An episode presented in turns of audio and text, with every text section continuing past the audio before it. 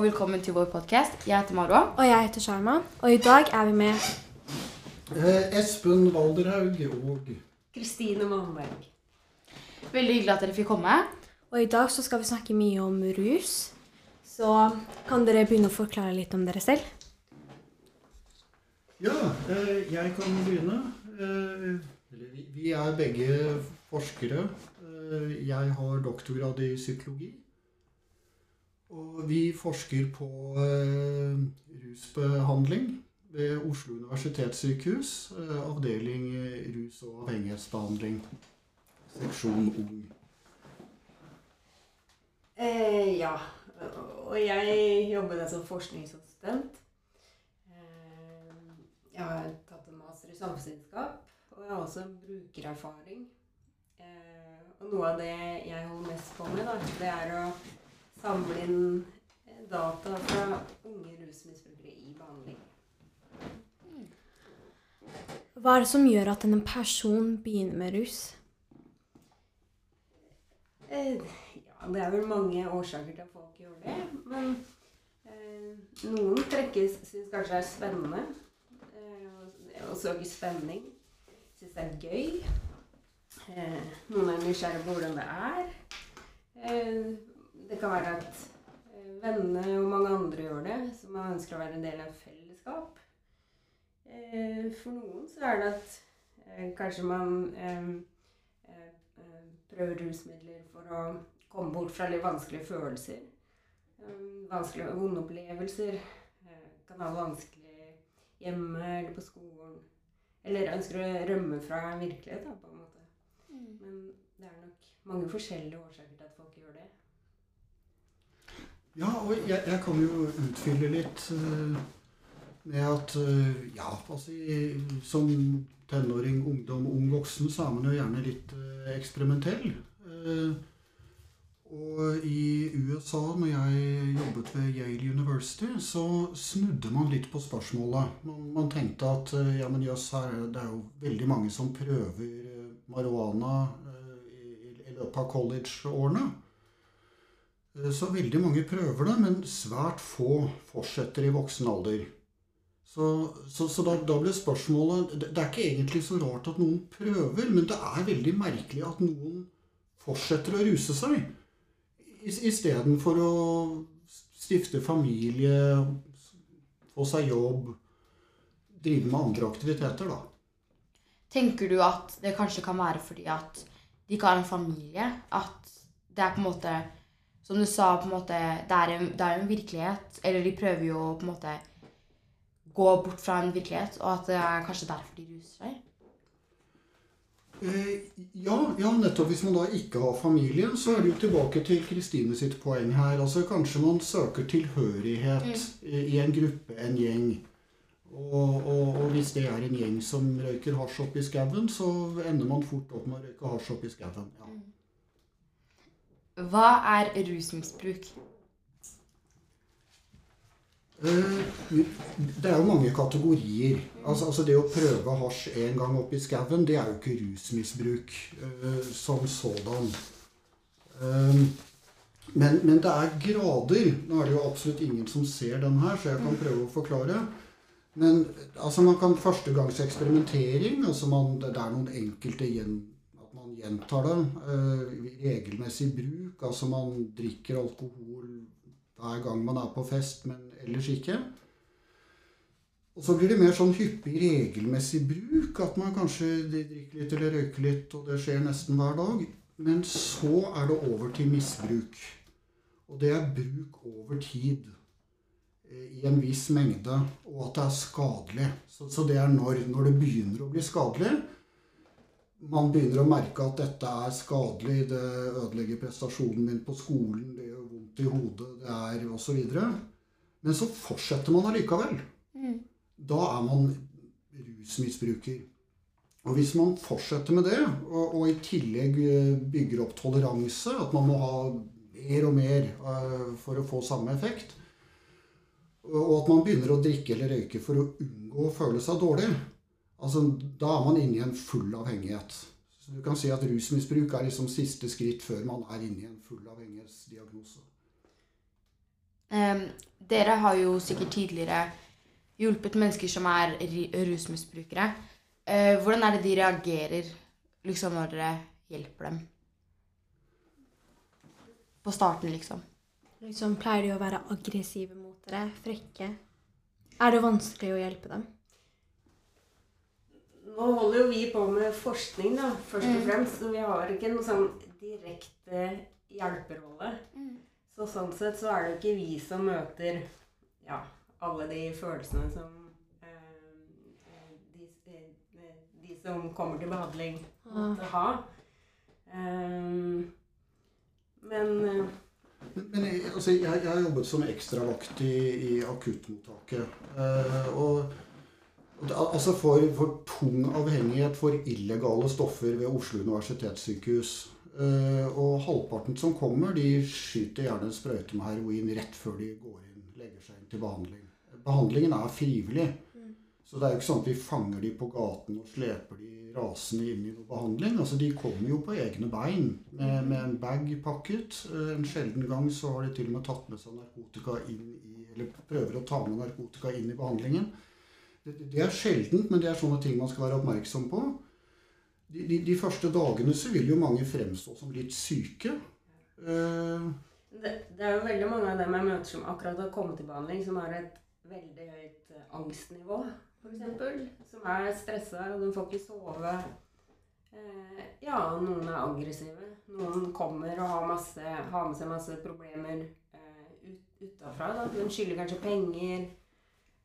De har lyst til å være der, de trenger å være der. Men så, så, så det er liksom mange eh, dilemmaer eh, de som kommer i behandling, kan ha med seg. Eh, og så er det jo, hender det at eh, folk har vært i behandling og drar ut, og så går det ikke så bra, og så kommer de tilbake. Så mange kan være ganske nedfor.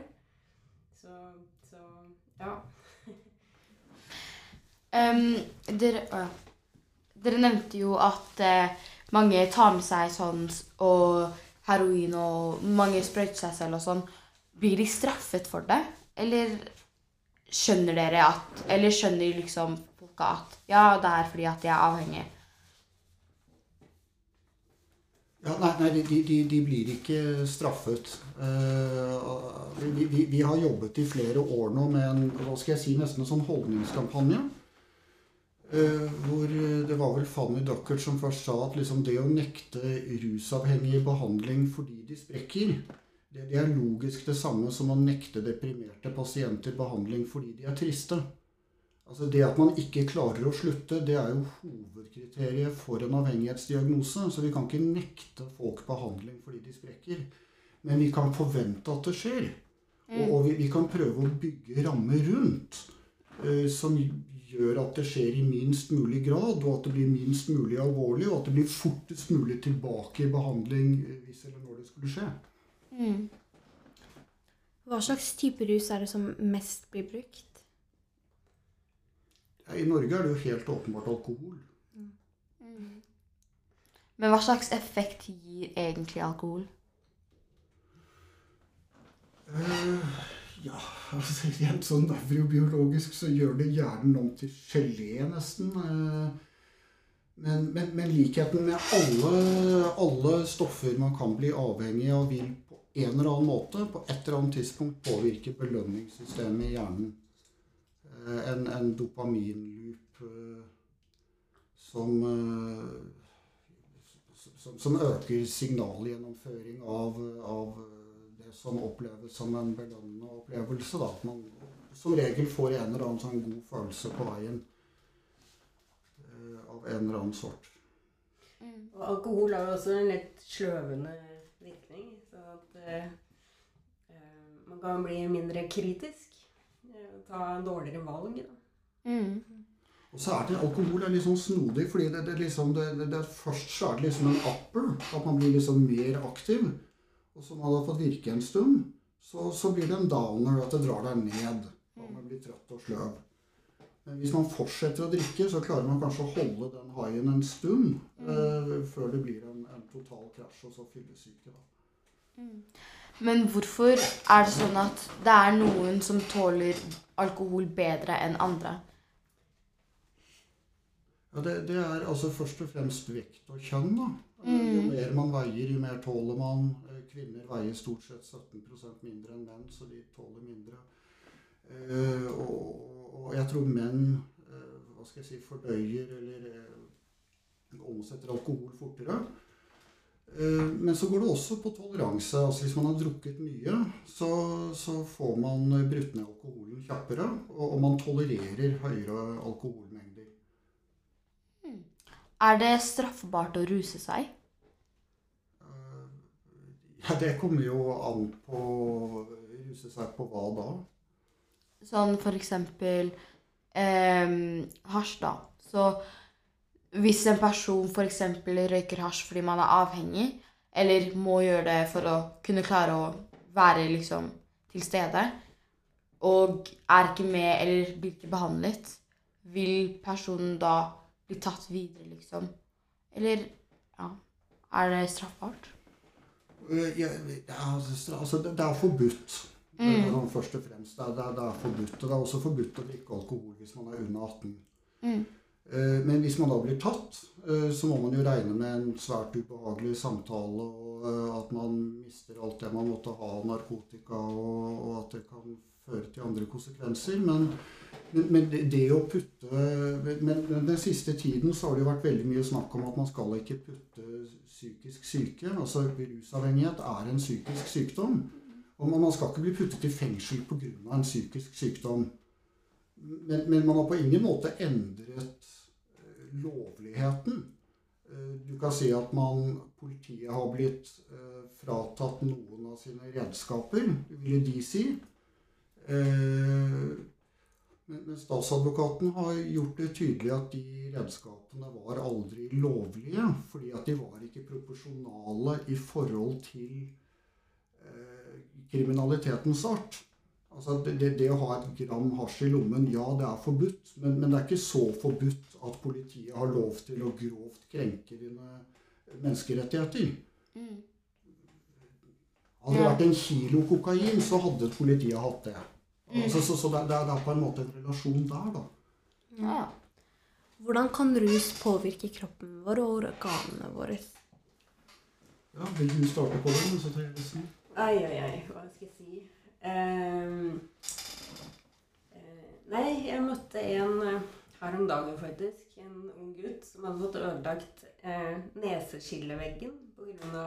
Eh, kokainbruk. Ehm, så, så det er jo en skade som kan oppstå ved gjentatt bruk. Um, ja eh, Lever og nyre kan det gå hardt utover. Det er litt avhengig av hva slags rusmidler man, man bruker, og hvor mye man bruker.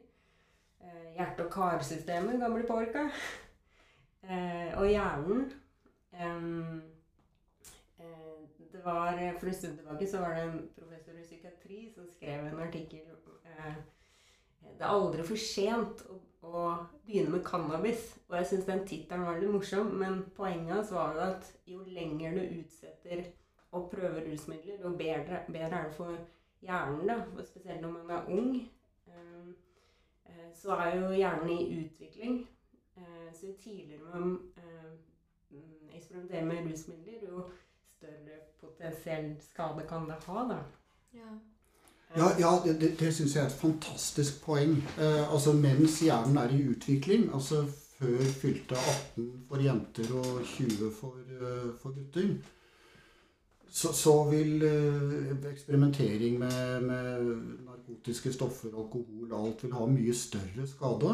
Uh, og i tillegg til det så er man i en del av livet hvor man tar forferdelig mange viktige valg. Eh, og hvis man ikke får fullført videregående på første forsøk, så, så kan det bli forferdelig vanskelig å prøve å ta det opp igjen i ettertid.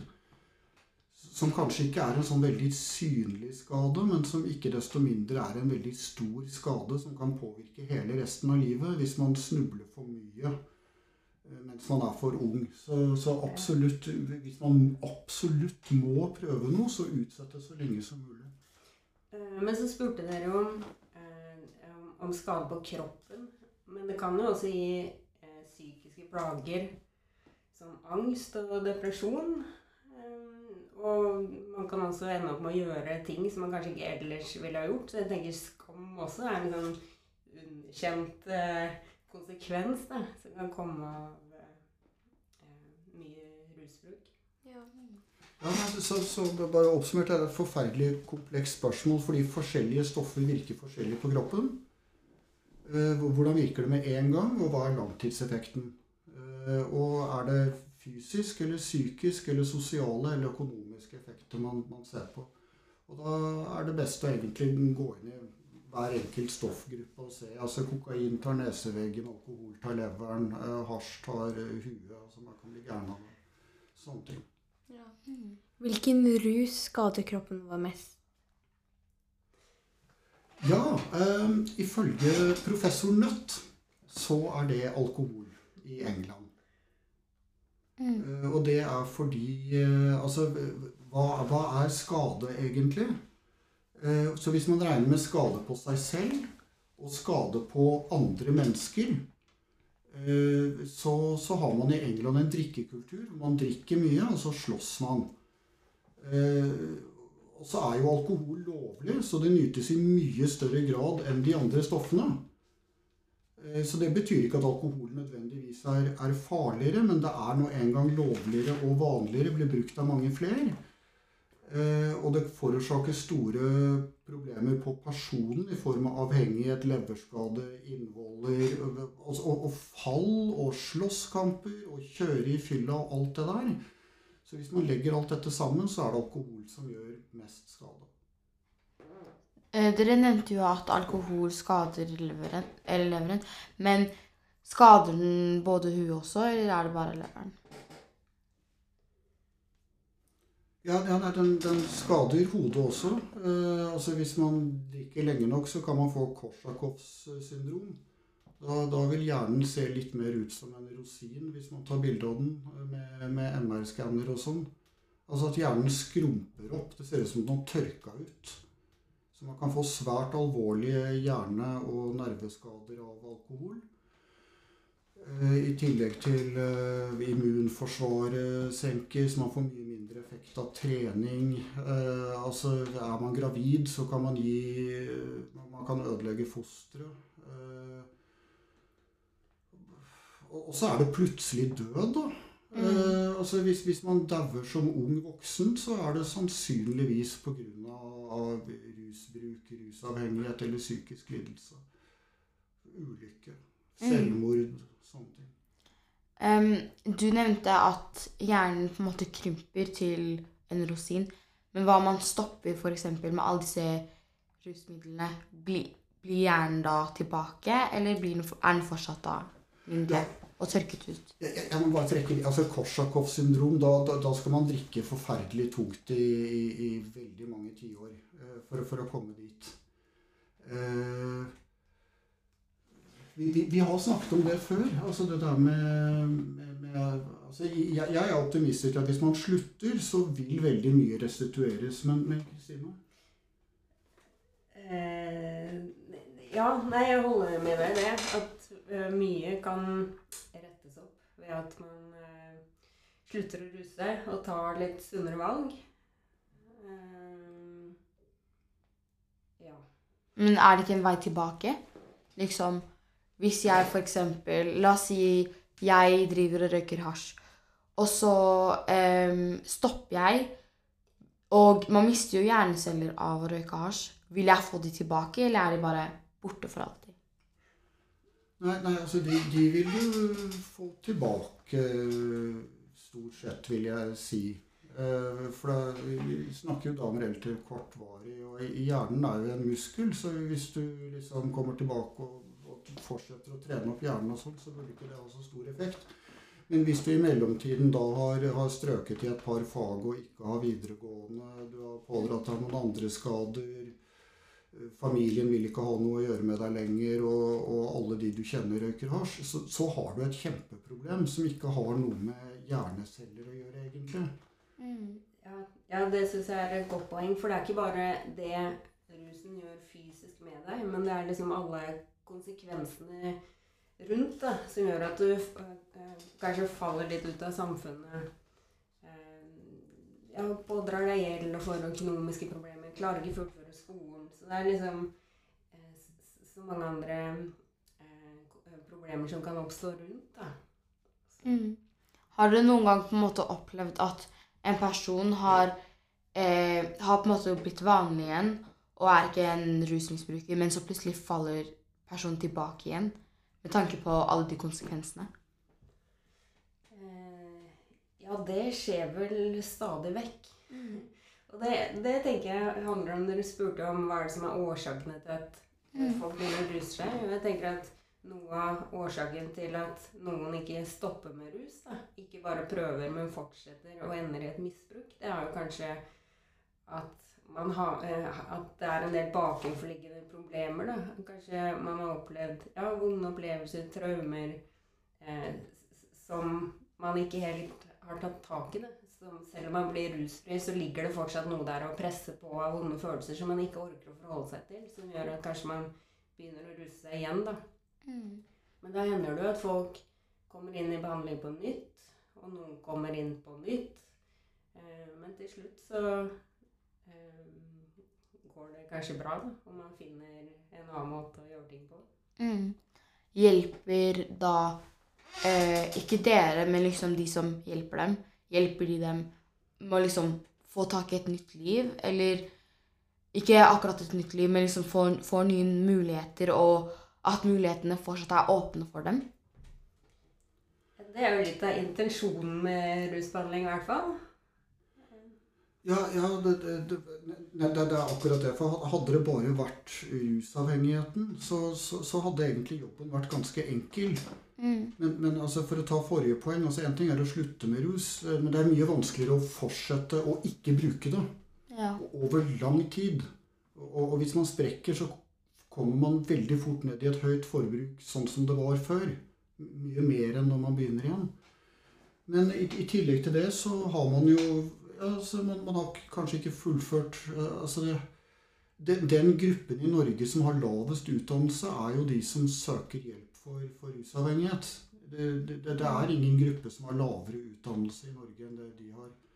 Så, så man, man har kanskje ikke fullført videregående. Man, man har ikke en fast, man har ikke et sted å bo. eh, Man, man, man skylder masse penger.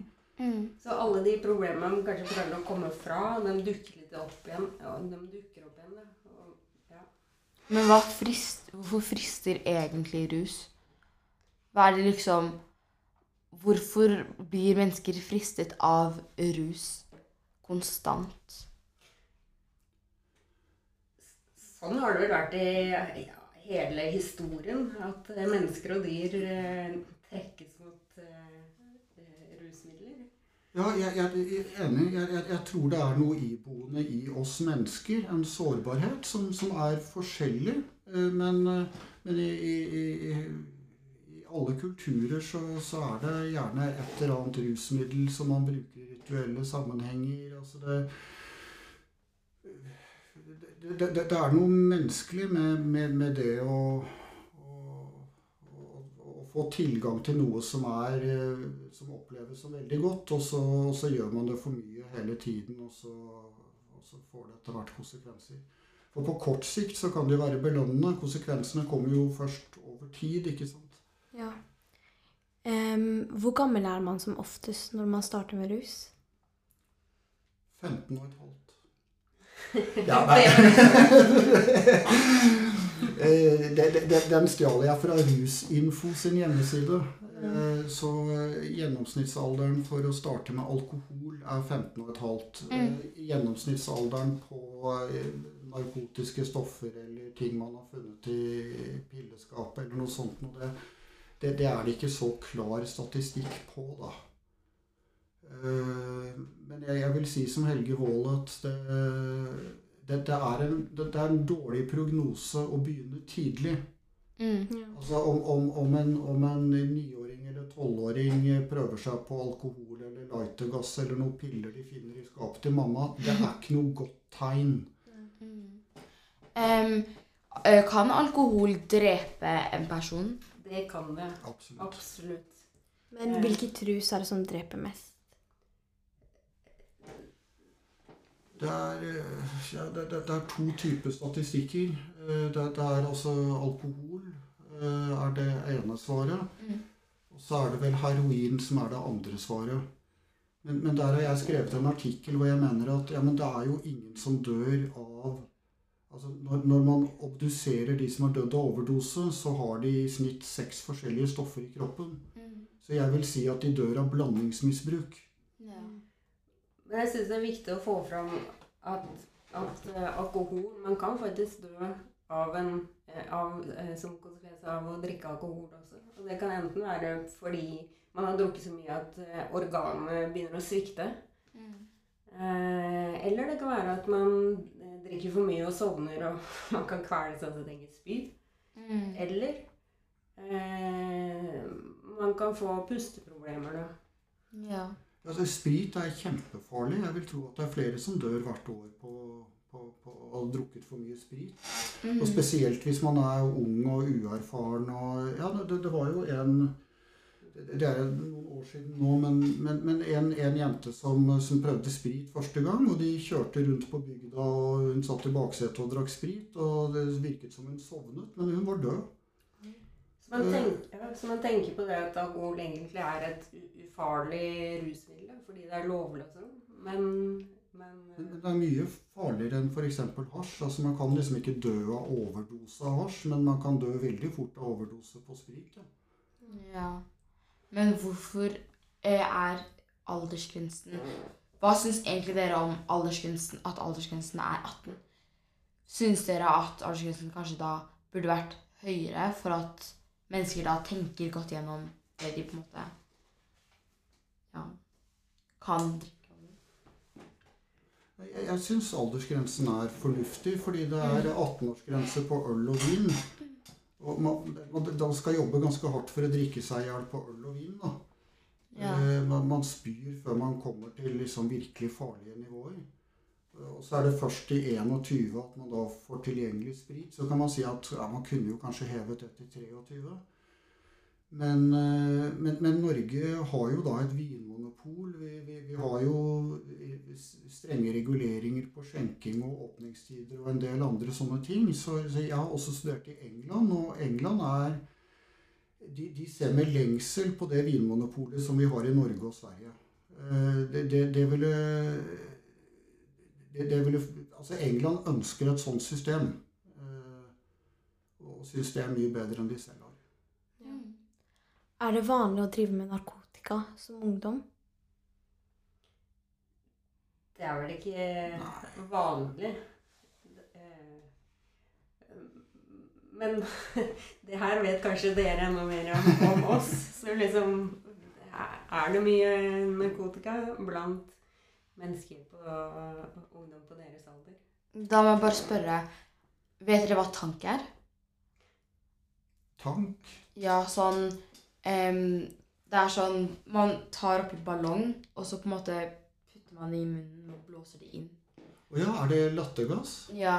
No, eller ikke Det er ikke lattergass akkurat, men det er sånn Hvis det går for fort til på en måte, hjernen eller noe, så kan man faktisk bli lam. Ja. Men Og jeg vet jo at det er ganske mange som f.eks. prøver det ut på ung alder. Men jeg vet ikke helt om det er narkotika eller form for narkotika.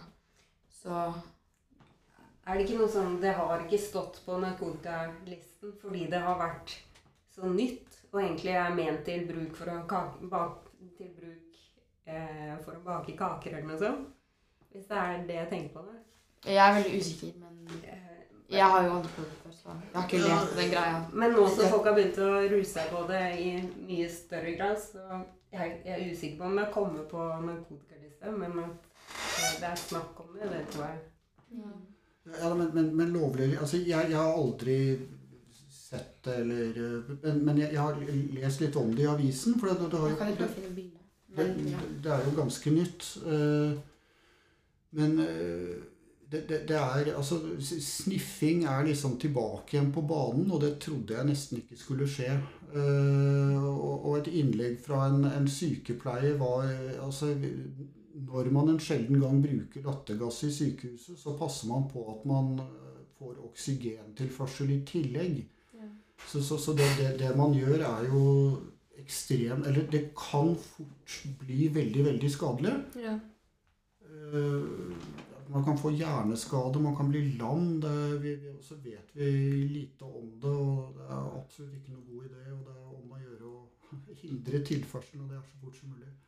Eh, Jeg tror det er noe som heter lystgass, lystgass eller noe. Det her. Men jeg er ganske usikker på hva det er, fordi jeg har ikke hatt erfaring med det før. Men jeg vet at det er ganske mange ungdommer som da prøver måte det. Men jeg vet ikke helt om det er narkotika eller ikke.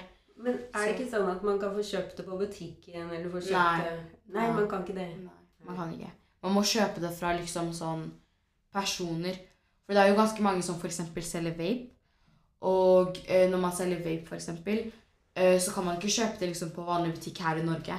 Man må på en måte kjøpe det fra andre. Så mennesker som på en måte har kontoer og sånn på Snapchat eller Instagram og sosiale medier og sånn. Så jeg tror ikke det er lov akkurat. Jeg husker en gang hadde vi rusken på skolen, og så fant vi eh, sånn tanker, de store greiene, eh, på fotballbanen. Og så måtte vi kaste det, og skolen tar veldig godt vare på menneskene som på en måte Vi holder dem unna, på en måte. Så det syns jeg er ganske bra. Men ja. Men det som er, før så var det liksom rusmidler man kjente mer til, men nå har det liksom eksplodert med et helt nytt marked med veldig mange nye stoffer, da. Mm. Eh, Som man ikke helt vet eh, så mye om virkninga og skadevirkningene til ennå. Men hvor lenge varer en rus? Oi, det også varierer jo veldig da, i forhold til hva du bruker, hvor mye du bruker. Eh, ja. Hva er effekten rus gir?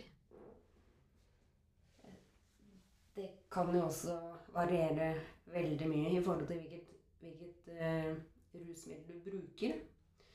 Uh, og så er det ikke alltid du og så er det ikke alltid at man tenker at et rusmiddel skal gi én type effekt, men så er det ikke alltid det blir sånn allikevel. Da. Så det å bruke rusmidler er jo egentlig ganske uforutsigbart, tenker jeg.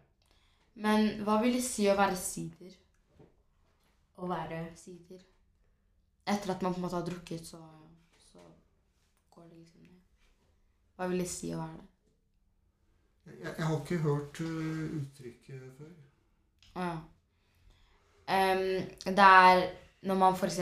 drikker, og så em, På en måte så har det gått fra seg. Så alkoholen i kroppen har på en måte gått fra seg, men du er ikke helt, du er ikke tilbake liksom til den normale deg. Hva vil det si på en måte å være det? Det er som når du har drukket for mye, altså dagen etter. Ja, Baroder. Bakrus, liksom. Ja. Man kan kalle det det Da er man bakfull. Altså, man, eh, man er jo dehydrert, og eh, kroppen må bygge seg opp igjen eh, etter å ha Ja, og så er det veldig stor forskjell på hvor lang tid forskjellige kropper tar på å bryte ned forskjellige rusmidler. For noen så kan de kanskje drikke en dag, og så våkne opp og så føle seg ganske bra dagen etterpå. Mens for andre så kan det ta lang tid før ting går ut av kroppen. da. Man vil være dårlig en stund. Ja. Mm. Men hvorfor er det ikke ulovlig akkurat sånn som alle andre rus? Eh, liksom, hvorfor er ikke alkohol ulovlig som alle andre rus når de gir samme påvirkning, og til og med mer? Det er et godt spørsmål, egentlig. Jeg tenker Det er sånn et, det handler om historie og kultur. Ja, ja men det, det, det er nettopp det. Altså, norsk historie er jo liksom Enten så er det hungersnød, eller så er det alkoholisme. Det har liksom alltid vært en av de to. Eh, Så Norge har en lang tradisjon med alkohol, og det er vanskelig å gjøre en tradisjon ulovlig. Altså, vi, vi prøvde jo i forbundstiden fra 1916 til 27. Og det, det førte jo til en massiv økning av kriminalitet.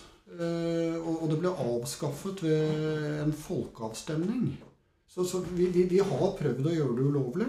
Eh, og det gikk ikke så bra. Eh, altså, og, over tid så er det ikke sikkert at det ble så mye mindre drikking, men drikkingen var helt uten kontroll, og det var masse kriminalitet i kjølvannet av, det her, da. Så Hvordan gikk det dårligere, men ikke bedre? Var det folk som på en måte snek seg alkohol? Med å forby alkohol. Mm. Eh, nei, man kan jo se litt på sånn som nå, så er jo eh, narkotiske, narkotiske stoffer forbudt. Eh, og det er jo ganske uh, Det er jo fortsatt mye av det. Og det foregår i det skjulte. Det fører med seg ganske mye uh, Eller ekstremt mye kriminalitet.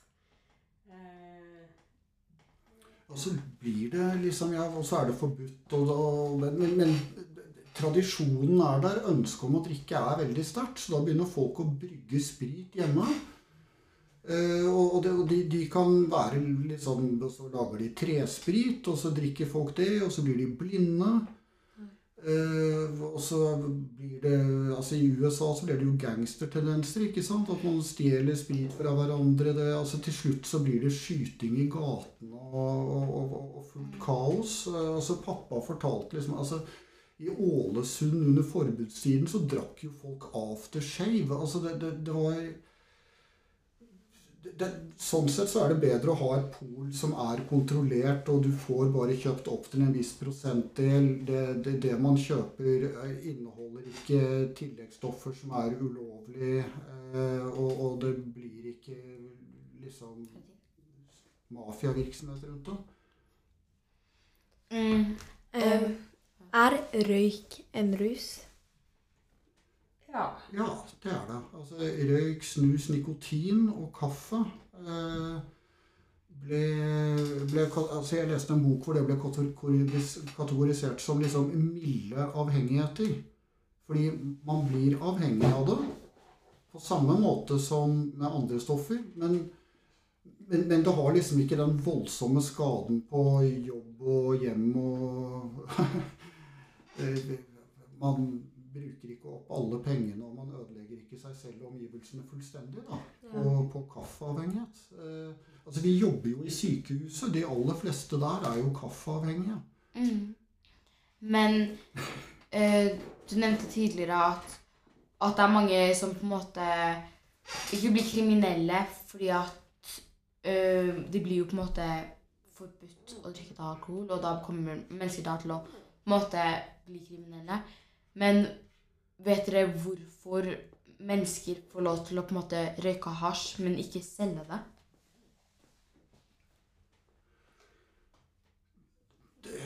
Det, det er vel at man skal høyest mulig opp i næringskjeden, da. Men man vil jo eller ha, helst ta de derre druglordsene som smugler tonnevis og blir rike på andres uh, ulykkelighet. Og, og så er det jo sluttbrukeren, den som bare bruker, er jo egentlig offeret. Uh, og, og, og den som selger på gaten, er jo ofte litt sånn avhengig. Altså, det å selge i minste type, altså Det å være nederste nivå selger, det er ofte for å finansiere eget forbruk. Så, så der, der er det jo fortsatt offeret vi snakker om. Mens hvis man bor i en villa i Bærum og smugler narkotika i årevis, i tonnevis det, er jo liksom det, det er jo de man aller helst vil ta, og det er der strafferammen skal være aller høyest.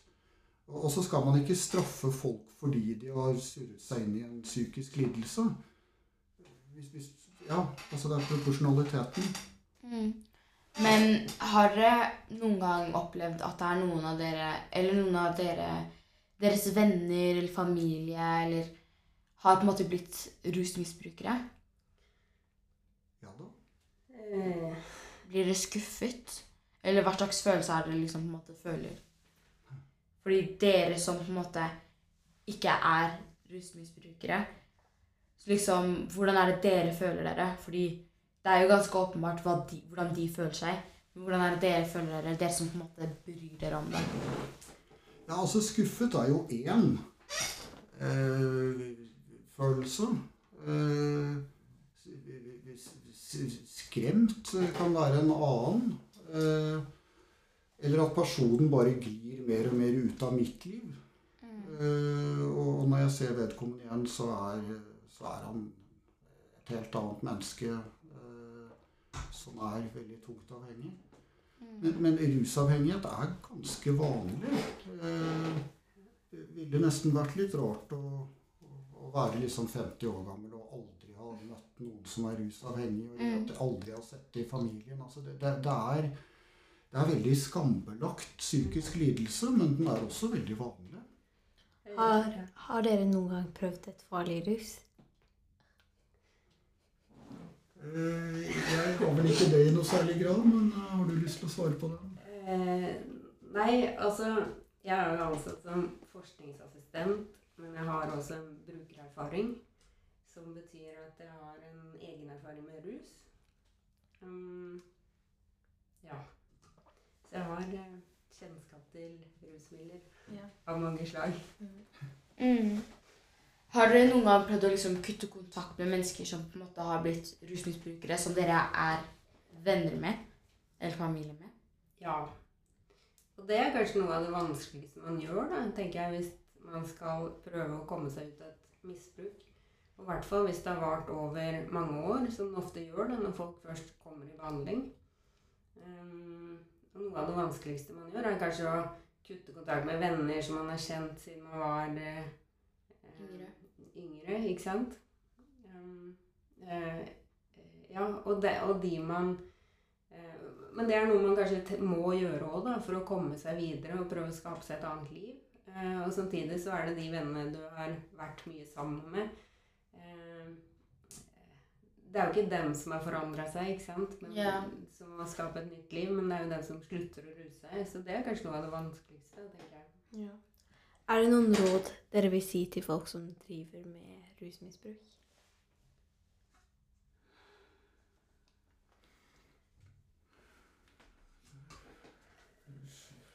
Slutt med det. Nei, eller, eller, eller liksom Stopp det fra å eskalere. Eh, Prøv å holde fast i jobb og skole og andre ting. Skademinimalisere. Skademinimaliser. Oppsøk hjelp. Det er jo Ja. mange hjelpetjenester, og det er jo mange steder man kan ringe og eh, snakke med andre som har eh, sånn type likemann, da, som har vært gjennom noe av det samme. Mm. Um, eh, ja, og man kan jo få hjelp også på forskjellige nivåer. eh, hvis man ønsker å endre en annen retning, da. Eller så kanskje eh, eh, finne på noe mer konstruktivt å gjøre. Det spørs jo hvor liksom, alvorlig det rusmisbruket er, da. Ja. Søk hjelp før det blir liksom for sent, da. Ja. Ja. Det var veldig fine råd, og eh, det var veldig hyggelig å ha dere her. Eh, Podkasten, eller intervjuet, da er ferdig. Jeg syns dere var veldig flinke til å svare på spørsmål, og jeg syns det var veldig hyggelig at dere var her. Fordi jeg føler at jeg fikk lært mer. Ja. å være her. Det var veldig hyggelig at dere Tusen takk. Jeg følte at vi lærte litt, vi også. Ja, tusen takk for oss. Ha det bra.